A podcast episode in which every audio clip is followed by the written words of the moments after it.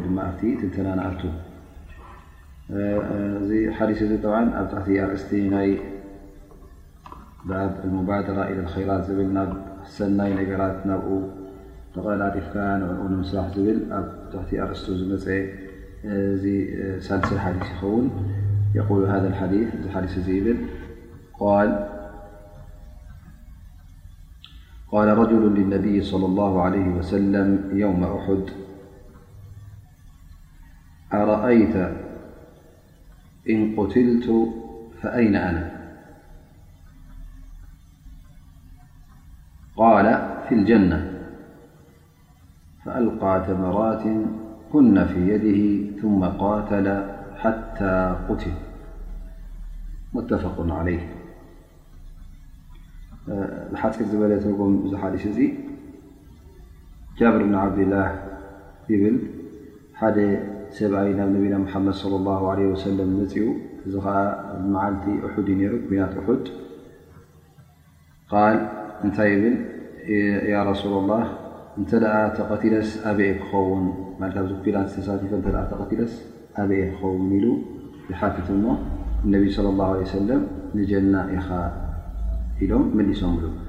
ሽዑ ኣብ ኢዱ ዝነበራ ውሑዳት ተምሪ ንዕአን ደርብዩ ኣብቲ ኩናት ድቕድቕ ኢሉ ኣትዩ ክሳዕ ተዋጊኡ ማለት እዩ ክሳዕ ዝመውት እዚ እዚ ሓዲስ እዚ ዝጠቐሶ ማለት እዩ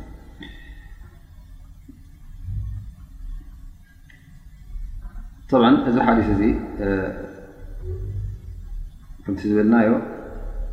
እማም ነወዊ ካብቲ ርያድ ሳልሒን ክሰርዖ ከሎ ኣብ ምስምንታይ ሰሪዕዎ ማለት እዩ ናብቲ ሰናያት ነገር ንምግባር ናብኡ ተቐላጢፍካ ንምስራሕ ዝብል እዩ ቀንዲ ትሕዝቶ ናቱ ወይከዓ ከም ቀንዲ ደሊል ናይ ምንታይ ይኸውን ማለት እዩ መረጋገጺ እኖ ሰሓበት ነቢ ሰለላሁ ዓለይሂ ወሰለም ብጾት ነቢና ሙሓመድ ሰለላሁ ዓለይሂ ወሰለምሲ ንሰናይ ተግባራት ኩሉ ግዜ ንዕኡ ንኽፍጽሙ ይቀላጠፉ ከም ዝነበሩ ፍጹም ካብ ሰናይ ምግባር የድሓርሕሩ ከም ዘይነበሩ ናብ ጀና ዘእትዎም ነገራት ወላ እውን ሕልፈት ናይ ነብሶም ይሃልዎ ደኣ እምበረ እንተ ኼር ንሰናይ ኮይኑ ኣብ ዲን ዝድለ እንተ ኮይኑ ኩሉ ግዜ ክድንጉዩ ይነበሩን እንታይ ደኣ ተቐላጢፎም ይፍፅምዎ ከም ዝነበሩ ማለት እዩ። ስለዚ እቲ እሶም ዘፅንሑልና ዲን እውን እንተ ርኢና ነቲ ናይ ኣዱንያን ናይ ኣኼራን ክብሪ ዝረኽብሉ ንዕኡ ስለ ዝሰርሑ እቲ ዲን እውን ናባና ብሓይሉን ብፅንዓቱን ክበፅሕ ክኢሉ ማለት እዩ። እነቢ ስለ ላ ሰለም ሓደ ግዜ እውን ጥራይ እቶም ኣስሓባ ደቂ ተባዕትዮ ዘይኮኑ ውን ተን ደቂ ኣንስትዮ ውን ንሰናይ ንምግባር ውን ይቀላጠፋን ይጓያን ከም ዝነበራ ሓደ ግዜ እነቢ ስለ ላ ለ ሰለም ኣብ መዓልቲ ዒድ መደረ ወይከዓ ክጥባ ኸጢቦ ማለት እዩ ድሕሪኡ እታ ክጥባ ምስ ወደአት ውን ተን ደቂ ኣንስትዮ ድሕሪት ስለ ዝነበራ ፍልይ ዝበለ ዘረባ ንክዛረበን ኢሉ ናብአን ይቕርብ ማለት እዩ ናበን ቀሪቡ እነቢ ስ ሰለም ከም ብሓድሽ ንኣን ውን ዘረባ ኹጥባ ኣስሚዕወን ካብቲ ዝነገረን ዝጠቐሰለን ድማ እንታይ ነይሩ ሰደቓ ንኸውፅኣ ካብቲ ዘለዎን ካብ ክእለተንሲ ድሕር ክብላ ከም ዘይብለን ስ እነቢ ስለ ላ ለ ሰለም ምስ ሓበርወን ሕጂ እትን ኣንስቲ ብቢ ዘለወን ኣብ ኢደን ዘሎ ኣብ ካትመን ኣብ ኢደን ማለት ካትም ኮይኑ ኣብ እዝነን ተንጠልጢሉ ዘሎ ሱቑሬን ኮይኑ መስቆርስ እዚ ኩሉ ባዕለን መንዚዐን ኣብቲ ናይ ቢላል ዓለባ ኣብኡ የምህረኦ ነረን ማለት እዩ ኣኪቡ ከዓ ቢላል ኣብ መጨረሻ ንምንታይ ንነቢ ስ ሰለ ክህቦ ማለት እዩ ነቢ ስ ሰለም ተሰደቅና ወለው ምን ሑሉይ ክና ሰደቃ ክፈላ ወላ ሰደቃ ኣውፅኣ ወላ እውን ካብቲ ሽልማት ክብልዎን ስለዝነበሩ እሰን ከዓ ድሕር ከይበላ ተቐላጢፈን ካብቲ ፍሉይ ሽልማተን ንበጀት ክኡ ካልእ ዘይብለን እንከለዋ ካብ እዝነን መንጢለን ካብ ክሳደን ካብ ኢደን ካብቲ ኣካላተን ኣውፅኤን ሰደቓ ኢለን ኣውፅኤኖ ማለት እዩ።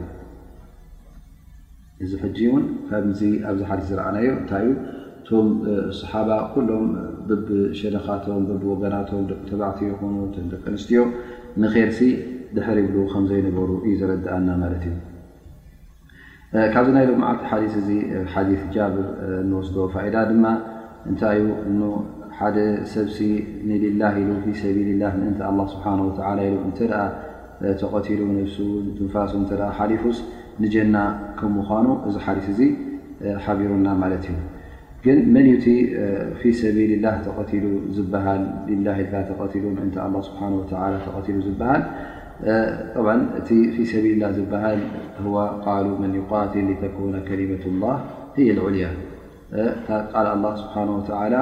ንሳ እታ ዝለዓለትን ዝኸበረትን ንኽትከውን ኢሉ እሳ ንኽትፀድቕን ንሳ ንኽትቀውምን እዩ ዝቃለስ ምእንቲ እታ ላኢላሃ ኢለላህ ሙሓመድን ረሱሉላህ ትብል እዚ እዩ እቲ ሙጃሂድ ፊ ሰቢልላህ ወይ ከዓ እንተደኣ ሞይቱስ ካብቶም ሹሃዳእ ሸሂድ ፊ ሰቢልላህ ተዋጊኡ ተቐቲሉ ዝበሃል እምበር እንተ ደኣ ምእንቲ ወገን ክዋጋእ ኮይኑ ሓደ ሰብ ወይ ከኣ ምእንቲ ተባዕ ስለ ዝኾነ እንተ ደኣ ክዋጋእ ኮይኑ ወይ እውን ንሰብ ንኽርእየሉ ሓያል እዩ ንፉዕ እዩ ንኽበሃል እንተ ደኣ ኮይኑ እዚ ኩሉ ካብቲ ፊ ሰቢልላህ ዝተባህለ ናይ ፊናት ሰቢልላህ ዝተባህለ ናይ ጂሃድ ይኹን ናይ ጀና ዘእቱ ከምዘይኮነ እዚ ክንፈልጦ ኣለና ማለት እዩ። ስለዚ እቲ ቃል ኣላህ ስብሓነሁ ወተዓላ ንዓኣ ንኸኽብር ኢሉ ንዓኣ ንኽትለዓል ንዓኣ እውን ላዕሊ ንኽትከውን ኢሉ እሱ እዩ እቲ ፊ ሰቢልላህ ዝበሃል እምበር ዝመውት ሰብ ብዙሕ እዩ በብወገናቱ ኩናት ዝካየድ ውን ሓደ ዓይነት ኩናት ኣይኮነን ብዙሕ ዓይነት ኩናታት እዩ ዘሎ ማለት እዩ ኣለው ምእንቲ ናይ ብሄር ኢሉ ዝዋጋእ ኣሎ ኣሎ ምእንቲ ሃገር ኢሉ ዝዋጋእ ኣሎ ኣሎ ምእንቲ ወገን ኢሉ ዝዋጋእ እንተ ኣብዚ ከምዚ ሞይቱ እዚ ሰብ እዚ በቲ ናይ እስልምና ሸርዒ ሸሂድ ክበሃል ኣይከኣልን እዩ ምክንያቱ ሸሂድ ክበሃል ከሎ እንታይ ካ ትምስከረሉ ዘለካ እዚስ ንጀና ንክኣቱ ተመስኮሩ ኢካ ትብል ዘለካ ማለት እዩ ናይ ሃገሩ ኮይኑ ወይ ከዓ ንክብሪ ናይ ወገኑ ናይ ክብሪ ስለዘይኮነ እዚ ሕጂ ከምቲ ግቡእ ፊሰቢልላ ክበሃል ኣይከኣልን እዩ እንታይ ኣ ፊሰቢል ልወጠን ፊሰቢል ቆውሚያ ኣብታት ተ ክኸውን ኮይኑ እዚ ዘሎ ነገር ማለት እዩ ኣሎ ሰብ እውን ክዋጋእ ከሉ ትባዕ ስለዝኾነ ድሕር ዘይብል ስለዝኾነ እሞ ከዓ ሓደ ሰብ እተ ተባዓነት እንተ ወርዩ ኩሉ ግዜ እተ ኣብ ናይ ባእሲ ወይ ኣብ ናይ ኩናት ክካፈል እተ ኮይኑ ድሕር ኣይብልን እዩ ሰብ ስለ ዝፈለጦ ተባዕ ከም ምኳኑ ኣብ ርእሲኡ እውን ና ትብዓት ናይ ብሄሩ ትብዓት ስለ ዘሎ ሕጂ ምእንቲ ትብዓት ኢሉ እውን ይቃለስ ማለት እዩ ብዘየገድስ እሱ ሕጂ እቲ ዝካየድ ዘሎ ኩናት ናይ ሊላ ይኹን ናይ ረቢ ዝፈትዎ ይኹን ኣንፃር ኣላ ስብሓን ወተላ ይኹን ብዘየገድስ ጥራይ ንተባዕ ስለ ዝኾነ እዩ ዝካፈል ዘሎ ወላ እውን ኣብቲ ናይ ሊላሂ ኢልካ ዝግበር ኩናት እንተ ተሳቲፉ ግን ክሳተፉ ከሎ ምእንቲ ተባዕ ንክበሃል እተ ኮይኑ እዚ ሕጂ ኣብቲ ናይ ዲን ናይ ሊላ ኢልካ ዝቃለስ ከም ዘይኮነ ይበርሃልና ማለት እዩ ኣለዉ ሰባት እውን ምእንቲ ወልዕያድ ቢላ ሰብ ንክርእየሉ ንፉዕ ንክበሃል ኢሉ እሞ ከዓ ድሕር ዘይብል ንክበሃል ጥራይ ንክበሃል ወላ እውን ፈራህ ይንበር ወላ እውን ካልእ ዓይነት ጠባይ ይሃለዎ ግን እባእ ሰብሲ እንታይ ክብለኒ ብፆተይ እንታይ ክብሉኒ ኢሉ ኣብዚ ከምዚ ኩናት እተ ተካፊሉ እዚ ሕጂ ንሊላ ዘይኮነ እንታይ ንብፆቱን ንሰብ ንክርእየሉን እዩ ማለት እዩ ወነቢ ስለ ላ ሰለም ተሓቲቶም እዮም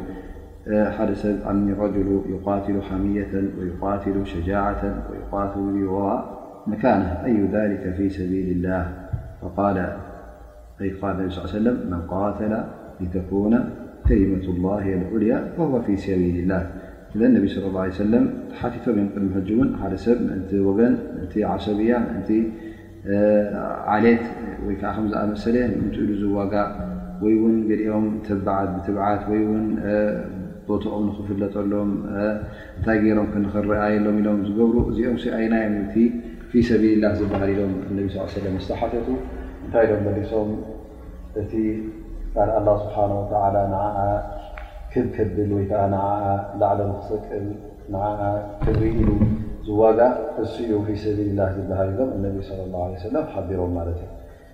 ስለዚ እዚ ሰሓቢ ወይከዓ እቲ ብፃይ ነቢና ሓመድ ለ ላ ሰለም እዚ ጉዳይ እ ስለ ዝገደሶ እቲ ቐንዲ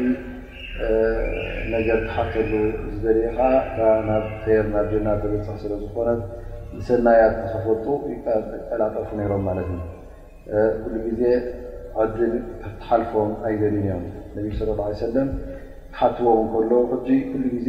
እቲ ሕቶ ምእንቲ ምንታይ እዩ ነይሩ ማለት እዩ ቀዳማይ ነገር ትምህርቲ ንክኾኖም ፍልጠት ንክውስኹ ፍልቀት ዕልሚ ንክቐስሙ ኢሎም እዮም ዝሓቱ ኣብ ርእሲኡ ከዓ በቲ ዝተማሃርዎን ዝተዓለምዎን ንክሰርሑ እቲ ዓልም ሕጂ ሸሪዓ ክፈልጥ እንከሎ ወይ ከዓ ዕልሚ ክፈልጥ እንከሎ እዚ ሰብ እዚ በቲ ዝተዓለሞ እንተ ደኣ ስሪሑ እዚ ሕጂ ዓብዪ ር ዓብዪ ፀጋ ናይ ኣላህ ስብሓነሁ ወተዓላ እዩ። እሱ ኸዓ እቲ ናይቶም ብፆት ነቢና ሙሓመድ ሰለላሁ ዓለይሂ ወሰለም ዝነበረ ባህሪ ኩሉ ግዜ ክሓቱ ከለዉ ስለምንታይ እዩ እዚ ነገር እዚ ተገይሩ ወይ ከዓ ውሳነ ናቱ ናይ ኣብ ሸሪዓ ሕክም ናቱ ክሓቱ እንከለዉ እዚ ኩሉ እንታይ እዩ ነይሩ ማለት እዩ ምእንቲ በቲ እዚ ዝወሃቦም ዘሎ መደባት በቲ ዝወሃቦም ዘሎ ደንብታት ብኡ ቀጥ ኢሎም ንክኸዱ ክሓቱ እንከለዉ ምእንቲ ከይጠፍኡ ምእንቲ ከይጋገዩሎም እዮም ዝሓቱ ነይሮም ማለት እዩ ሎም እንተረኣናዮ ግን ኣብ ዘለናዮ ግዜ ፍልጠት እናበዝሐ ወላ ውን ይክዳኣ እምበር ሰባት ውን ክሓቱ ትሪኦም ብዛዕባ ናይ ሽርዒ ብዛዕባ ናይ እስልምና ይሓቱ እሞ እቲ ቕኑዕ መልሲ ምስ ተዋሃቡ ግን ነዚ ቕኑዕ እዚ ኣብ ዝባኖም ደርብዮም ድላዮም ክገብሩ ድላዮም ከንዳዕድዑ ትረኽቦም ማለት እዩ እቲ ዝፈለጥዎ ዕልሚ ጥራይ ንፍልጠት ጥራይ ኮይኑ ተሪፉ እናፈለጡ ከለዉ ኣብ ጌጋ ይወድቁ እናፈለጡ ከለዉ ኸኣ ገበናት ይፍጽሙ ማለት እዩ። ብዘየገድሶም እቲ ዕልሚ ዝተዋሃብዎ ኣብ ክንዲ ኣብ ግብሪ ዘውዕልዎ ተዓሊሞም ተዓሊሞም እንታይ ይኸውን ማለት እዩ ንኹሉ ኣብ ዝባኖም ይድርብዩ። እዚ ኸኣ ዓብይ ክሳራ ናይ ብሓቂ። ክሳራ ይኸውን ማለት እዩ ምክንያቱ እናፈለጥካ ከለካ ክትጋገ ከለካ እዚ ዝኸፍአን ዝበእሰን ይኸውን ናልባሽ ከይፈለጥካ ዘይተማሃርካ ስለዝኾንካ ውሕደት ናይ ፍልጠት ውሕደት ናይ ዕልሚ ስለ ዘለካ ኣብ ገጋ ክትወደቕ እዚ ሓደ ባህርያዊ እዩ ማለት ጌጋ እውን ወላውን እንተኾነስ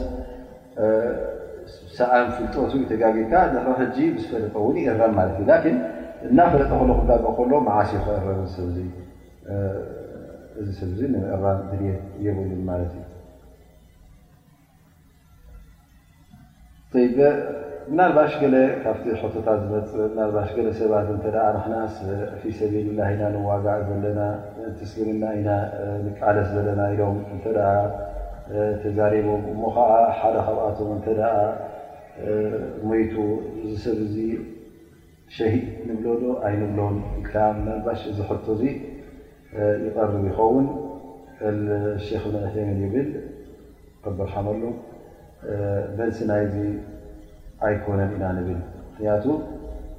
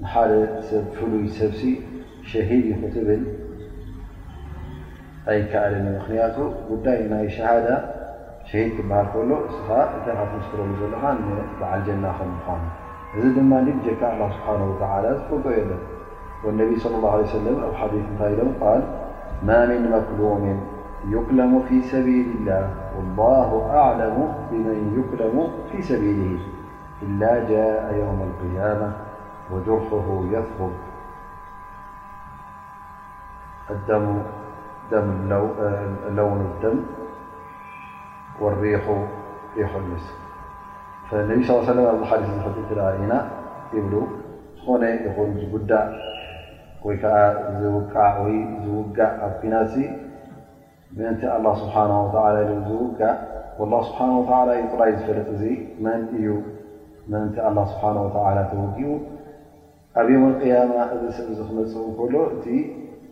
ቁስሊ ናቱ ከይሓወየ ደም እና ኣፍሰሰ ደም እና ነተዐ እዩ ዝመጽእ ግን ሕብሪ ናይ ደም ክኸውን እንከሎ ጨና ከዓ ጨና ናይ ሚስክ እቲ ብጣዕሚ ፅቡቕ ዝኾነ ጨና ንዕኡ እናጨደወ ይመጽእ ይብሉ ነቢ ሰለላሁ ዓለይሂ ወሰለም። እታ ቀንዲ ኣብዛ ሓዲስ እዚኣ ነቢ ሰለላሁ ዓለይሂ ወሰለም እንታይ ኢሎም ወላሁ ኣዕለሙ ቢመን ዩክለሙ ፊ ሰቢሊሂ ማለት ኣላህ ስብሓነሁ ወተዓላ እዩ ዝፈልጥ እቲ ምእንቲ ኣላህ ስብሓነሁ ወተዓላ ኢሉ ዝተወግኤ ስለዚ እቲ ናይ ንያ ናይ ልቢ ኣብ ልብኻ ዘሎ ሕቡእ ስለ ዝኾነ ስቱር ዝሕሉ ዝኾነ ወዲ ሰብ ክፈልጦ ኣይክእልን እዩ እንታይ ሓሲብካ ምእንቲ ምንታይ ትዋጋእ ኔርካ ምእንቲ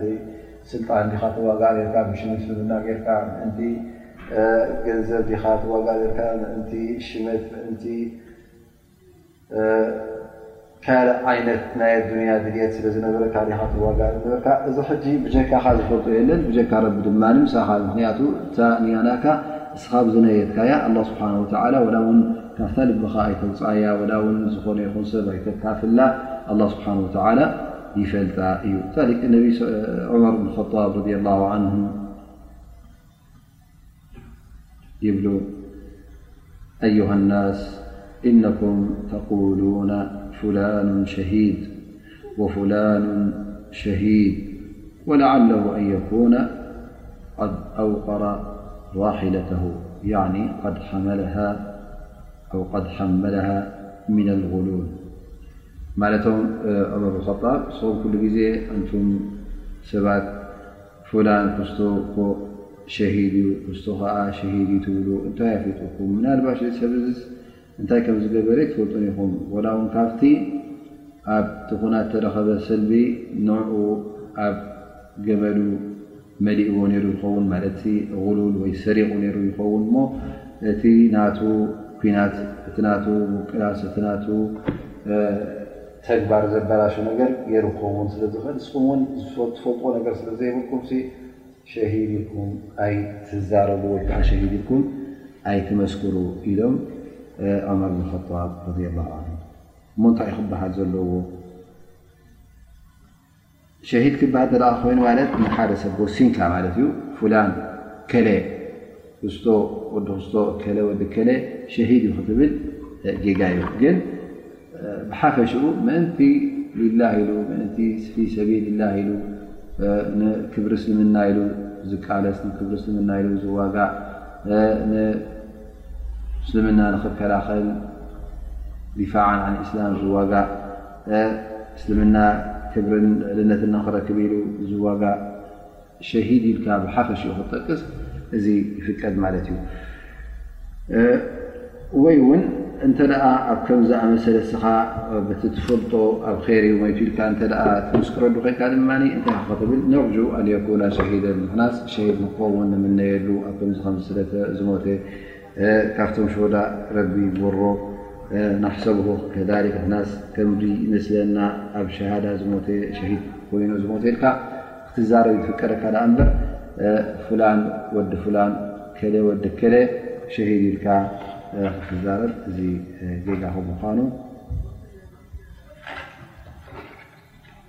ዑለማእ ይኹን ነቢ ስ ላ ለ ወሰለ ከምኡ በዓል ዑመር ጣብ ን ረድ ላ ን እዝታት ክንግደሰሉ ወይከዓ ክንጥንቀቐሉ ከም ዘለና ሓቢሮምና ሓዲ መበል 89 ይውዳእ ድሕሪኡ ኣብ ሓዲ መበል ስ ንኣቱ እሱ ከዓ ራብዓይ ሓዲ ኣብቲ ሒዝናዮ ዘለና ኣርእስቲ ይኸውን ማለት እዩ ን قال جاء رجل إلى النبي صلى الله عليه وسلم فقال يا رسول اللهأصدقةأعظيا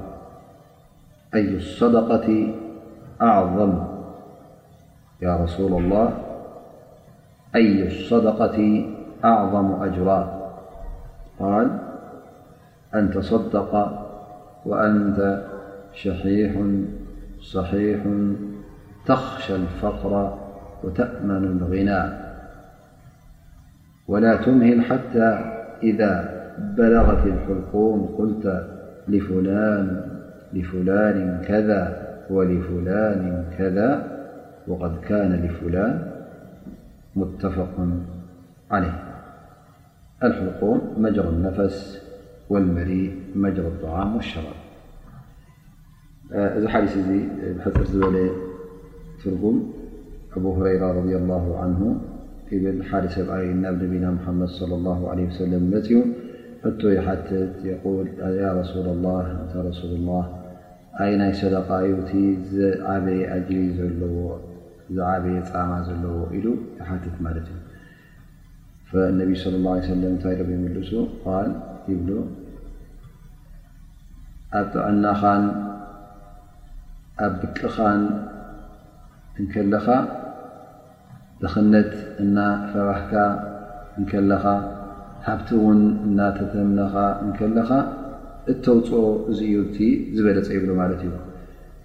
ክሳዕ እታ ሩሕካ ኣብ ዓንቀርካ ትብጽሕ እውን ክትጽበ የብልካን። ሽዑ ንእከለ ከምዚ ንእከለ ከምዚ ኢልካ፣ እቲ ገንዘብ እውን ቅድሜኻ እውን ናይ እከለ እዩ ነይሩ፣ ስለዚ እዚ ክሳዕ ሽዑ ክትጽበ የብልካን ኢሎም ነቢ ስ ሰለም ኣብዚ ሓዲስ እዚ ይጠቕሱ ማለት እዩ። እዚ ሓዲስ እዚ እውን ከምቲ ዝበልናዮ ኣብቲ ትሕቲ ክፍሊ ወይከዓ ኣርእስቲ ናይ ተቕምቅልጣፍ ንሰናይ ተግባራት ንክትገብር ንክትቀላጠፍ ድሕርሕር ንከይትብል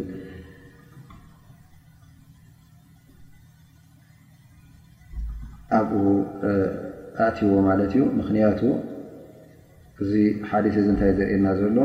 እዚ ሓደ ካብቶም ብፆት ነቢና ሓመድ ስ ሰለም ካብቶም ኣስሓብ ነቢ ናብ ነቢና ሓመድ ስ ሰለም ብዛዕባ እንታይ ሓትት ማለት እዩ ብዛዕባ ናይ ሰደቓ ንሊላህ ኢልካ ንረቢ ክፍቶ ኢልካ ኢልካ እተውፅኦ ማል ማለት እዩ ኣየናይ ይበልፅ ኢሉ ምእንቲ ምእንቲ ምንታይ እዩ ዝሓትት ዘሎ ከምቲ ዝበልናዮ ሓቲቱስ ኣብ ግብሪ ንኸውዕሎ እዩ ስለ ዝሓሰበ እሞ ነዚ ነገር እዚ ንክገብር ስለ ዝደለየ ናይ ሰደቓ ጉዳይ ስለ ዘገደሶ መፅኡ ይሓትት ማለት እዩ ንቢ ስለ ላ ለ ወሰለም ሕትኡ ተረዲኦም ኣየናይ ሰደቓ ይበልፅ ከም ምዃኑ ጥራይ ካብ ምንታይ ከተውፅኦ ዓይነት ናይቲ ሰደቓ ኣይኮነን ዝሓትት ዘሎ እንታይ ደኣ ኣበይናይ እዋን ኣብ ሂወትካ ከተውፅኦ ከለኻ ይበልፅ እዩ ዝበሎ ማለት ብዙሒ ናቱ ወይ ከዓ ዋሕዲ ናቱ ወይ እውን ዓይነት ናቱ ይኮነን እንታይ ደኣ እቲ ምስቲ ናይ ሂወትካ እዋን ዝቀራረብ ምስኡ ኣበይናይ ተውፅኦ ይሓይሽ እዩ ዝብል ዘሎ ማለት እዩ ፈነቢ ስ ላ ሰለም እንታይ ኢሎም መሊሶም ኣንተ ሰደቃ ወኣንተ ሰሒሑን ሸሒሕ ማለት ጌና ብጥዕናኻ ከለኻ ብጉብዝናኻ ብጉልበትካ ከለኻ ማለት ከይሓመምካ ሞት ከይቀርብ ተቐራረበት ከላ ከምኡ ውን ነብስኻ ጌና በቃቕ ከላ ማለት እዩ መዓስ ያታ ነብሲ በቃቕ ትኸውን ጌና እተ ኣብ ጥዕና ከለኻ ኮንካ ብንእስነትካ እተ ኣለካ ኮንካ ሕጂ እንታይ ኢኻ ትብል ጌና ዕድመ ኣሎ ጥዕና ኣሎ እሞኒ ከ እቲ ዝመፀካ ገንዘብ ክትእክቦ ክተብዝሖ ክትውስኮ ኢካ ትፍትን ስለዚ ድቂ ኣለካ ማለት እዩ ስኡልካ ገንዘብ ኣይተውፅን ኢኻ ምክንያቱ ኣብዚ ሰዓት እዚ ድልት ናይ ሃብቲ ኣለካ ዳሕራይ እውን ምስ ዓበኹ ክደክም እየ ምስ ዓበኹ ክዓርግ እየ እሞኒ ብሕጂ ክእክብ እናበልካ ከለኻ ናይ መፃኢ ድኽነት እናፍርሃካ እንከሎ ሽዑ እተውፅኦ ማል ሽዑ እትኸውፅኦ ገንዘብ እንታይ ይኸውን ማለት እዩ ኣብ ቅድሚ ኣላ ስብሓን ወተዓላ ብሉፅ ይኸውን ኣላ ስብሓን ወተዓላ ይፈትዎ ግን እንተ ሓሚምካ ነብስኻ እናደኸመ ከይዱ ሞት እናተቐራረበ መፅኡ እዛ ዱንያ እዚኣ ንገዛ ርእሳ ወላ ቅጭጭ ኣይትብለካን እያ ብጣዕሚ ሕሰርቲ ኮይና እያ ቅድሚ ዓይንኻ ትረኣየካ ማለት እዩ ስለዚ ሰደቓ ክትህብ ስለዘካ ክትህብ ኣብዚ ሰዓት እዚ ቀሊል ይኾነልካ ማለት እዩ ላኪን ኣብ ግዜ ጥዕናኻ ኣብ ግዜ ንእስነትካ ገና መፃኢ ክትጥዓልካ መፃኢ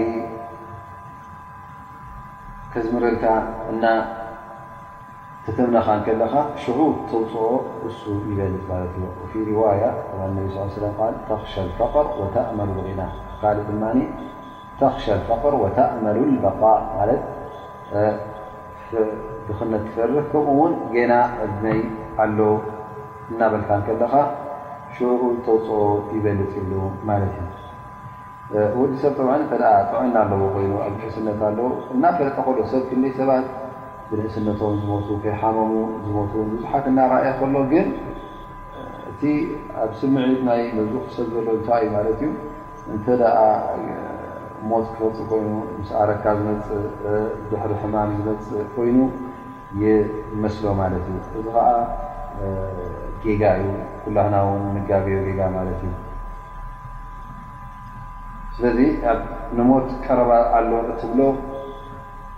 ኣላ ስብሓን ወተላ ጥራይ ዝፈልጦ ብጥዕና ስንታይ ኮንካ ብንእስነት ኮይኑ ኣይኮነን ብጉብዝና ኮይኑ ውን ኣይተርፈካን እዩ ከምኦም ጥራይ ኣይኮነን ዝመውት በዓል ጥሑን ጥሑን በዓል ሕማም ነቲ ብጥዕንኡ ዝነበረ ሰብ ንዕኡ ዝቀብሮ እውን ብዙሕ ኣሎ ብድሕሪኡ ዕስራ ሰላሳ ዓመት እውን ይፀንሕ ማለት እዩ ምስታ ሕማም ውን ከላ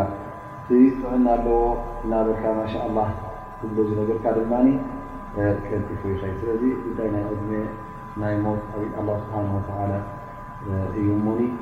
ግን እቲ ስምዒትካ ጌና ንእሽተይ ኣለኹ ጌና ኣብ ጥዕናይ ኣለኹ እናበልካ ከለኻ እታ ዱንያ ብዝያዳ እናብሃገትካ እንከላ ሽዑ ክተውፅእ እንከለኻ እቲ ገንዘብ ሰደቓ ክትከፍል ከለኻ እዚ እዩ እቲ ዝበለፀ ኢሎም ነቢ ስ ሰለም ግን እንተ ተፀቢኻ ግዜ ወሲድካ ዳሕራይ ሰደቓ ክትህብ ኣብ ሞት ምስ በጻሕካ እዛ ኣዱንያ እዚኣ በላሽ ኮይና ምስ ተረኣየትካ ሽዑ ኣንታ ንፉላን እስኪ መስኪን ንሀልኩም ከምዚ ሃብዎ ሰደቓ ዝበሉ ካሰም ገንዘበይ ኢልካ ክትዛረብ ሽዑ እታ ትንፋስ ኣብ ምውጻኣ ክትኸውን ከላ ነትን ነትን ኢልካ ገንዘብ ሽዑ ከተካፍሎ እንተ ኮይንካ ሽዑ ንየማን ንጸጋም ክትብሎ እንተደኣ ዄንካ፣ ኣብዚ ሰዓት እዚ እውን ዋላ ሊላህ ይኹን ክተውጽኦ እንከለኻ እዚ እቲ ብሉጽ ሰደቓ ኣይተሓሰበልካን እዩ። እቲ ብሉጽ ሰደቓ ጌና ዝጠመኻ ከለኻ ተትገብሮ እዩ ነይሩ ማለት እዩ። ምኽንያቱ ሕጂ እዛ ኣዱንያ ፋና ከም ምዃና፣ እዛ ዱንያ እዚኣ ፍጹም ኣማና ከም ዘይብላ፣ እሞ ከኣ ካብ ኢድካ እናወጸት ከላ ስለ ዝረኣኻያ፣ ሽዑ ከተውጽእ እንከለኻ፣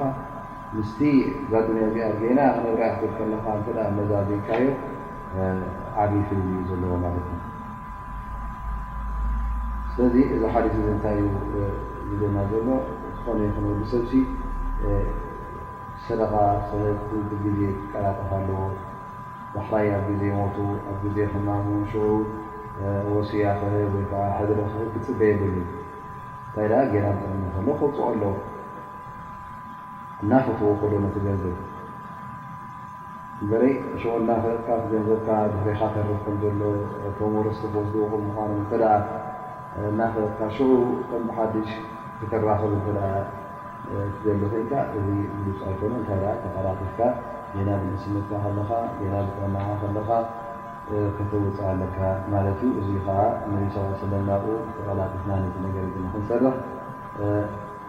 ዝደፋፍኡና ዘለዉ ከምኡ ውን ካብዚ ሓደ ሂዚ ንወስዶ ፋይዳ እዚ ዕለማ ሓደ ሰብሲ እንተ ወላ ውን ኣብቲ ሰዓታት ናይ ሞቱ ዝተዛረቡ ዘረባ ልቡ ከይጠፍኦ ከሎ እንተ ተዛሪብዎ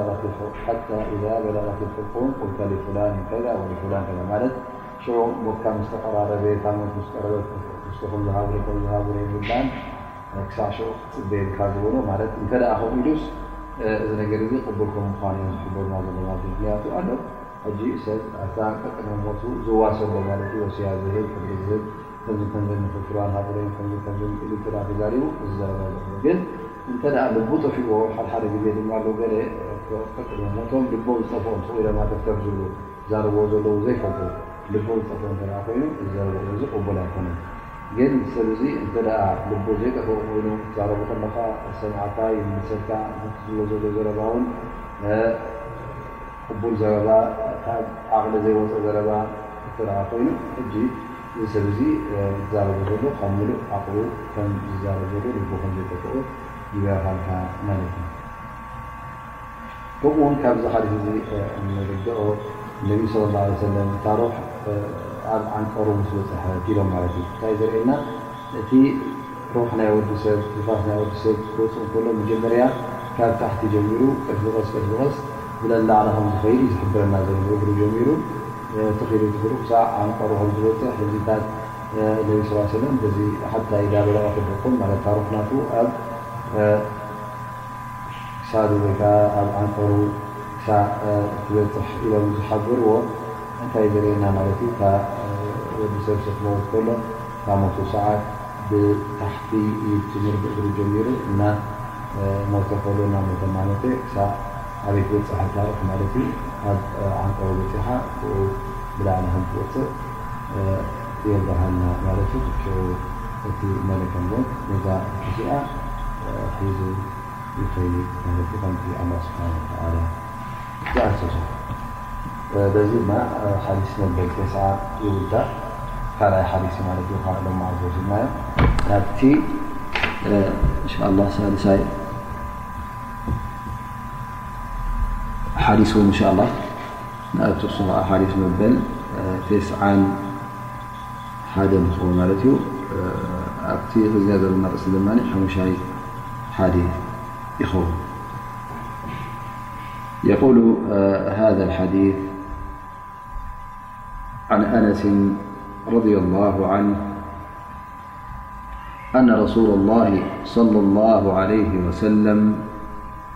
أخذ سيفا يوم أحد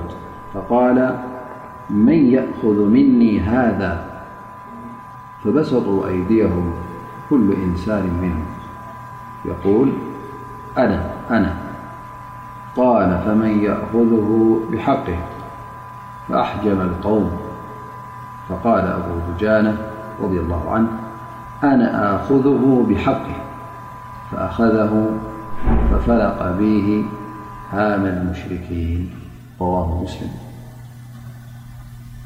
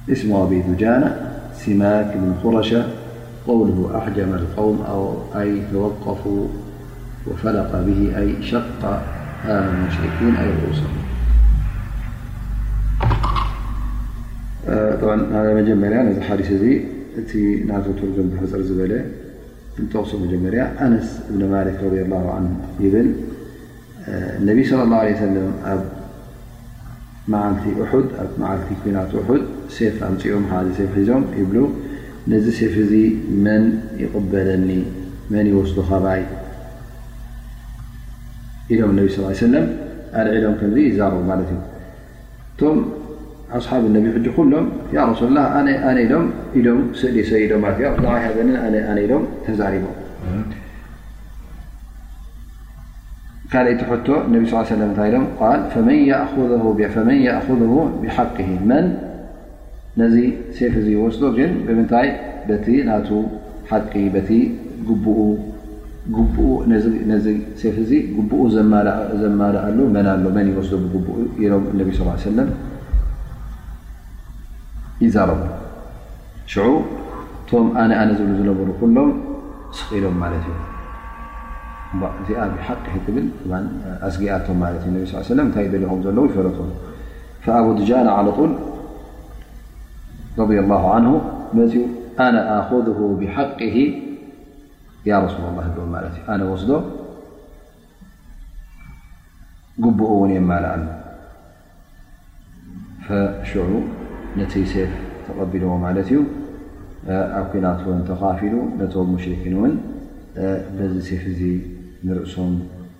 እናሃረመ ብዙሓት ወቒዑን ኣቑሲሉን ቀቲሉን ማለት እዩ። እዚ ሓዲስ እዚ ሕጂ እውን እንታይ ዘርእየና ዘሎ ማለት እዩ እቶም ኣስሓብ ነቢ ንሓደ ር ክዝረብ እንከሎ መን ይገብራ መን ይፍፅማ ነዛ ር እዚኣ ክበሃል ከሎ ኩሎም ይጓዩ ክጨላጥፉ ከም ዝነበሩ ይርእየና ኣሎ ማለት እዩ ኣብዚ ሓዲስ እዚ ነቢ صለ ላ ለ ወሰለም ኣብ መዓስ ማለት እዩ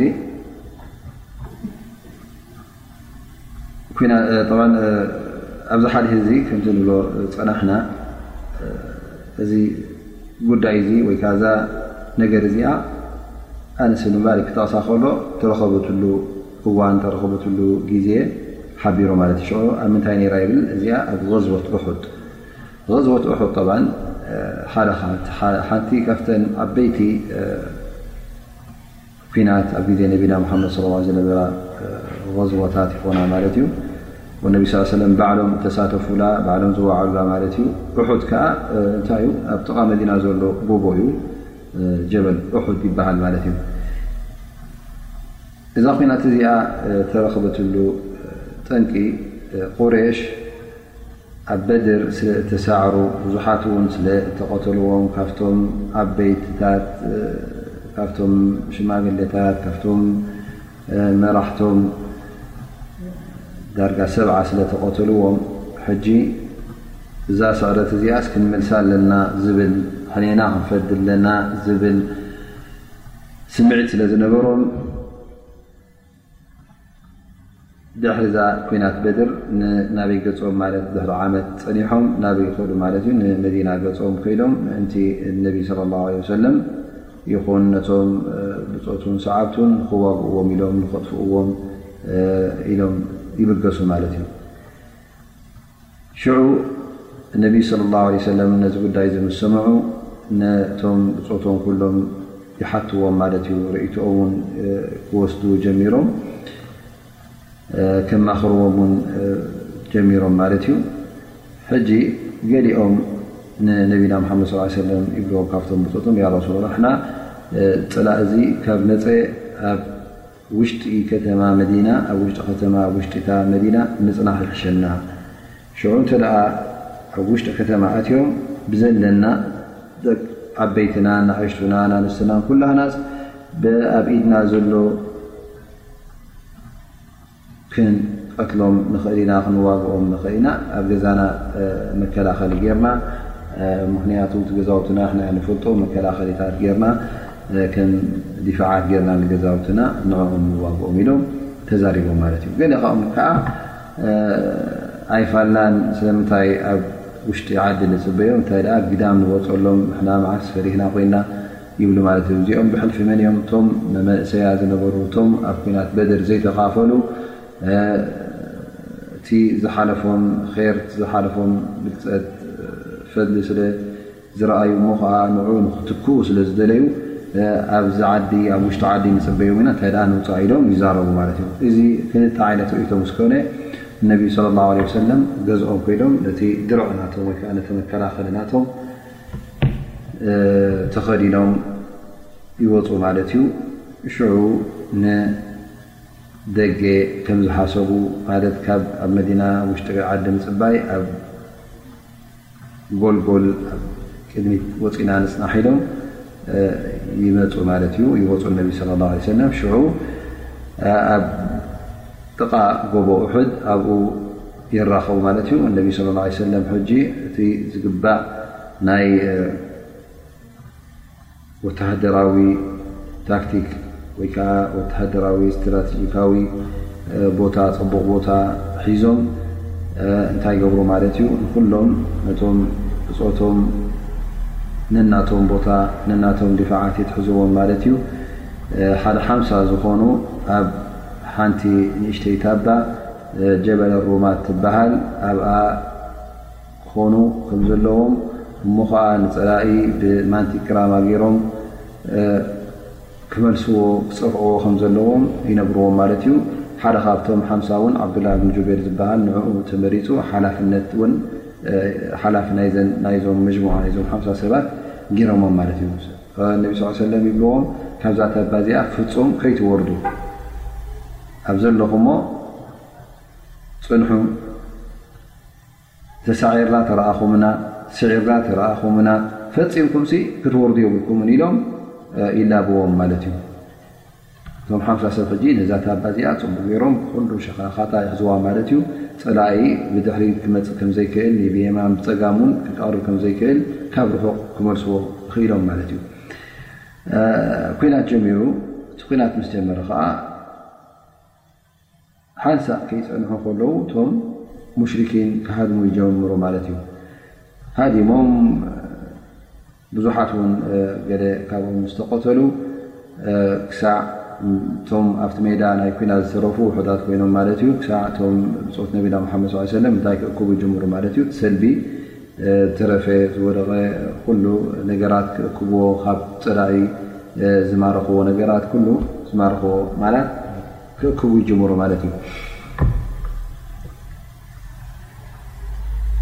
ሽዑ እቶም ሓምሳ ነቢይ ስለ ላ ሰለም ፈፂምኩም ኣይትንቀሳቐሱ ካብዛ ዘለኹማ ዝበልዎም እቶም ሓምሳ ሰባት ጸላኢ ክሃድም ምስ ረኣይዎ እሞ ኸኣ ብጀካ ውሑዳት ሰባት ካብቶም ጸላኢ ዝተረፈ የለን ከምኡውን ምስቶም ኣስላም ነቲ ሰልቢ ነቲ ዝማረኽ ነገራት ይእክቡ ምስ ረኣይዎም ኢሎም ያኸ ክፍና ክንወርድ ኢና ምእንቲ እቲ ኩናት ኸላስ ተወዲኡ ሙሽሪኪን ተሳዒረን እየን ንሕና ድማ ምስቲ ሰራዊት ኣብ ታሕቲ ዘሎ እቲ ዝርከብ ዘሎ ናይ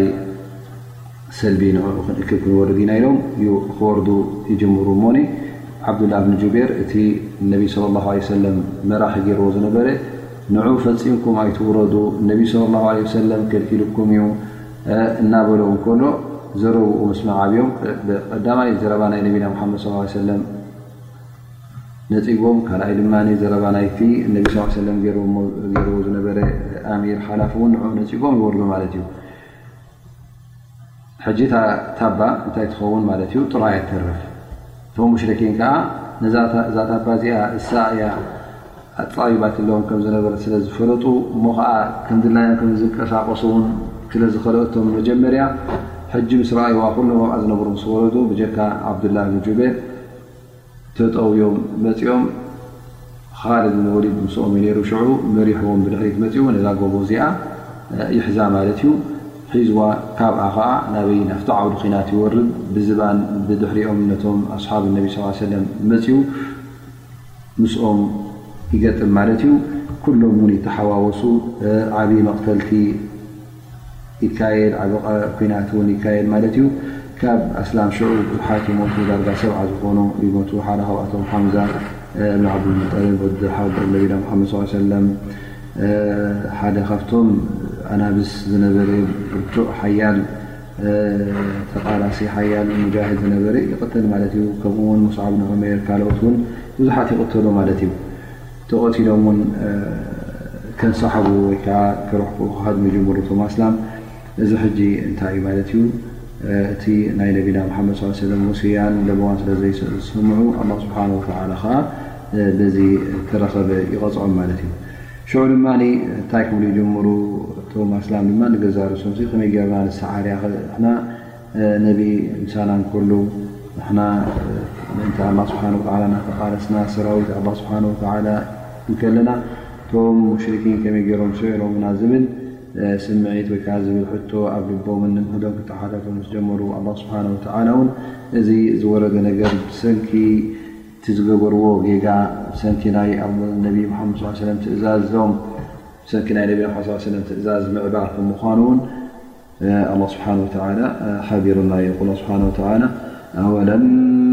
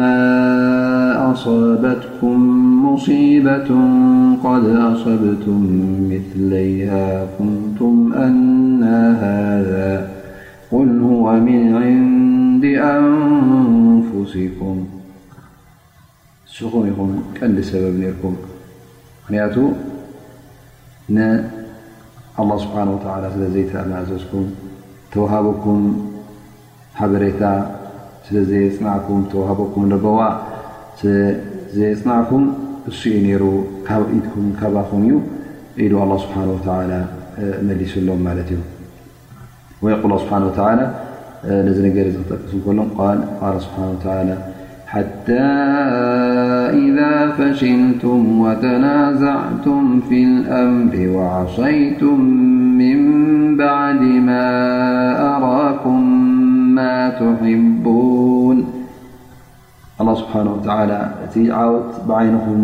ምስ ኣርኣየኩም ሽዑ ኣብ ክንዲ ኣብቲ ትእዛዝ ቀጥ ትብሉ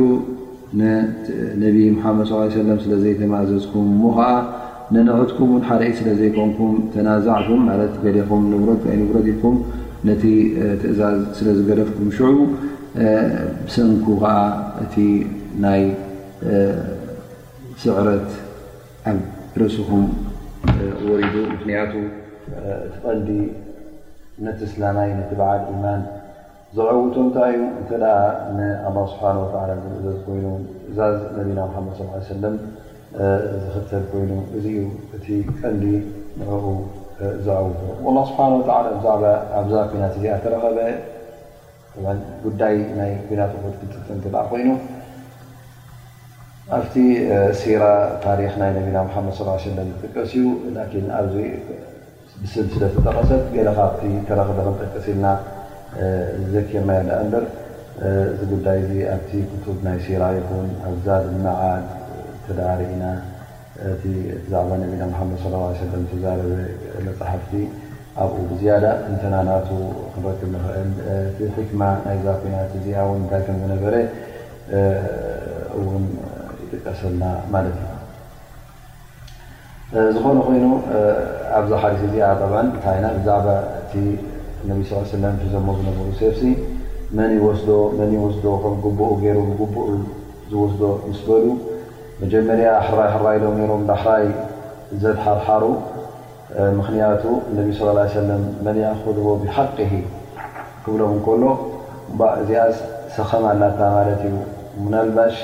ንሕና ነዛ ሰኸም እዚኣ ዘይንኽእላ ከይትኸውን ውዕል ሂብና ውዕልና ምእንቲ ከይንጠልብ ኢሎም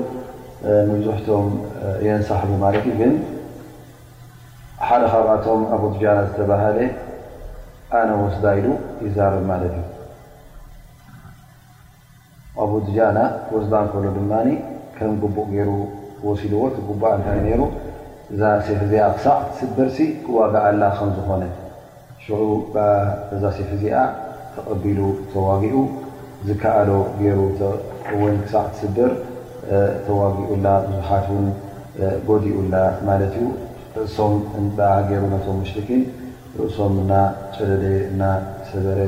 ውን ይዋጋእ ነይሩ ክሳዕ እታ ሴፍ ኣብ ኢዱ ትስደር እነማ እታ ቀንዲ ነገር ሕጂ እንታይ እያ እዚ ሰብ እዚ ወይ ከዓ እቶም ኣስሓብ መጀመርያ እቲ ብፆት ነቢና ሙሓመድ ስ ሰለም መን ነዚ ነገር እዚ ክገብሮ ወይ ከዓ መን እያ ኣሎ ከምዚ ክገብር ዝኽእል ኢሎም ነቢ ስ ሰለም ክዛረቡ ከለዉ ኩሎም ንሕና ኣነ ኣነ ይብሉ ከም ዝነበሩ ይርእየና ማለት እዩ ኣብ ርእሲኡ እውን ኣቡ ዱጃና ወላ ውን እታ ነገር ክትብርትዕ ምስ ረኣያ ድሕር ኣይበለን እንታይ ደኣ ንሱ ውን ተቐላጢፉ ኣነ ኢሉ ማለት እዩ ኩሉ ግዜ ድማ እንተ ንዝኾነ ነገር ክገብሮ እንከለኻ ናብ ኣላ ስብሓን ወተላ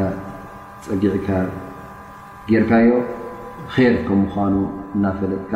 ነዚ ር እዚ ንከይሓልፈካ ኢልካ እተ ብንፁህ ልቢ ቐሪብካ ብኣላ ስብሓን ወተላ ን ሓገዝ ካብ ኣ ስብሓ ተ ጠሊብካ ኣ ስብሓን ወተላ ይሕግዘካ እዩ ምክንያቱ ብዙሕ ነገራት ኣሎ ኣይክእሎን እየ ትብሎ ዝነበርካ ግን ኣላ ስብሓ ላ ከምዝሕግዘካ እናፈለጥካ ንያኻ ድማ ር ከም ምኳኑ ስለ ትፈልጥ ዝነበርካ እንታይ ክገብረካ ማለት እዩ እቲ ጉዳይ ይሸላሸለልካ ይፎክሰልካ ከምኡ ሕጂ ንኣብነት ብዙሕ ሰባት ኣብቲ ናይ ዒባዳ ነገር ክንመፅ እንተ ኮይና ሰዋኣን ኣብቲ ፆም ኣብቲ ሰላት ኣብቲ ሰደቃ ምሃብ እዚታት ኩሉ ሕጂ እንተ ርኢኻዮ ኣብቲ ነዋፍል ዒባዳ እተ ኮይኑ ከቢድ ነገር ኮይኑ ዝስምዖም ሰባት ኣሎ ማለት እዩ እሞ ኸዓ ኩሉ ግዜ ከቢድ ኮይኑ ስለ ዝስምዖም መዓልታዊ ካብቲ ዝገብርዎ ዝነበሩ ር እናገደፍዎ እና ኣድሓርሓሩ ይኸዱ ማለት እዩ እቲ ነገር ከዓ መሊሱ ይኸብዶም ማለት እዩ እዚ ሰብ እዚ ናብ ኣላ ስብሓን ወተላ ስለ ዘይተወከለ ካብ ኣላ ስብሓን ወተላ ሓገዝ ስለ ዘይጠበበ ደገፍ ካብ ኣላ ስብሓን ወተላ ስለ ዘይሓተተ እንታይ ይኸውን ማለት እዩ እቲ ነገር እና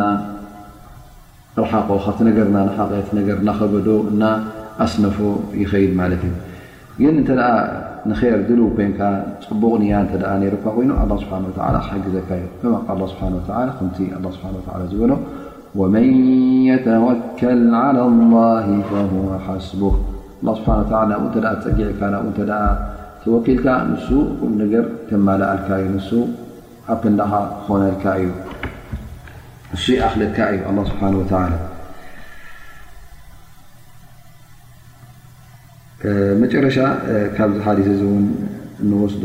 እንታይ ኣሎ ማለት እዩ እነቢይ ስለ ላሁ ለ ወሰለም ነቶም ብፆቶም ኩሉ ግዜ ጽቡቕ ኣረኣእያ እዮም ዝርእይዎም ነይሮም።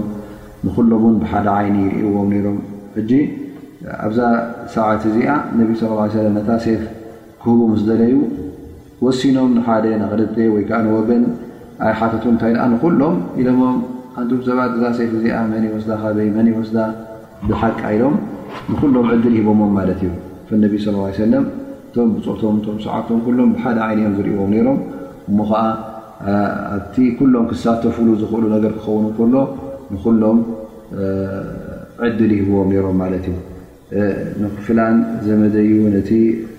ከምዚ ኢሎም እነቢ ስለ ላ ለ ሰለም ፍልልይ ይገብሩ ይነበሩን ስለዚ መራሒ ክትከውን ከለካ ኩሉ ግዜ መሪሕነት ሒዝካ ክትከይድ ከለኻስ ወገናዊ ክትከውን የብልካን። ነቶም ሰዓብትኻ ነቶም መሪሕካዮም ትኸይድ ዘለኻ ሰባት ኩሎም ብሓደ ዓይነ ክትሪኦም ኣለካ። ኩሎም ውን ነናቶም መሰል ክትሕልወሎም ኣለካ። ምናልባሽ እንተ ገለ ካብኣቶም ፍልይ ዝበለ ክእለት ኣለዎ ኮይኑ ፍልይ ዝበለ ፍልጠት ፍልይ ዝበለ ጠቓሚ ዝኾነ ካልኦት ዘይክእልዎ እተ ኣሎ ኮይኑ ምናልባሽ ንኡ ኣብቲ ዝፍለየሉ ነገር ወይ ከዓ ኣብቲ በሊፁ ዝሳተፈሉ ነገር ንኡ ፈሊኻ ክተሳትፎ እዚ ምንም ሽግር የብሉን ግን ነዚ ነገር ዚ ክትገብር ከለኻ ነቶም ብፆትካ ኩሎም ክተፍልጦም ኣለካ ክትሕብሮም ኣለካ ኣነ ንከለወዲ ከለ ዝመረፅክዎ ነዚ ነዚ ንክገብር ከምዝ ከምዝ ዓይነት ክእለት ፍልይ ዝበለ ክእለት ስለ ዘለዎ እዚ እውን ኣብ ኩሉ ክርከብ ስለ ዘይከኣል ኩልኹም ከምኡ ስለ ዘይትኾኑ ስለዚ ንዕኦም ሂበየ ኣለኹ ኢልካ ትነግሮም ማለት እዩ ምክንያቱ እቲ ናይ መሪሕነት ጉዳይ ተኣፋፊ ስለ ዝኾነ ብዙሕ ዓይነት ክረአን ክትርጎምን ስለ ዝኽእል እቲ ሓደ ዓይነት ኣመራርሓ ጌርካ ብሓደ ዓይኒ ንኹሎም ከም ሓደ ሰብ ጌርካ ክትሪኦም እንከለኻ እዚ ሕጂ ንዓኻ ኣብቲ መሪሕነትካ መሪሕካ ክትከይድ እንከለኻ እንታይ እዩ ዝህበካ ማለት እዩ ቀዳማይ ነገር ናብ ዓወት ትመርሖም ኣለኻ ማለት እዩ ንነብስኻ ክብሪ እዩ ነቲ ዲንካ ድማ ሓለዋ እዩ ልኣኑ ኣላ ስብሓን ወተዓላ ሓደ ሰብ ኩሉ ግዜ ፍትሓዊ ክኸውን ኣለዎ ዓድል ክኸውን ኣለዎ ወገናዊ ክኸውን የብሉን። ሰዉኣን መሪሕነት ሒዙ ወላ ውን ኣብ ውሽጢ ቤተሰቡ ኩይኑ ኣብ ፍርዲ ክፈርድ እንተ ደኣ ኮይኑ ኩሉ ግዜ እንታይ ክኸውን ኣለዎ ማለት እዩ የተሲም ቢልዓድል ማለት ብፍትሒ ዝተወርየን ዝተፈልጠን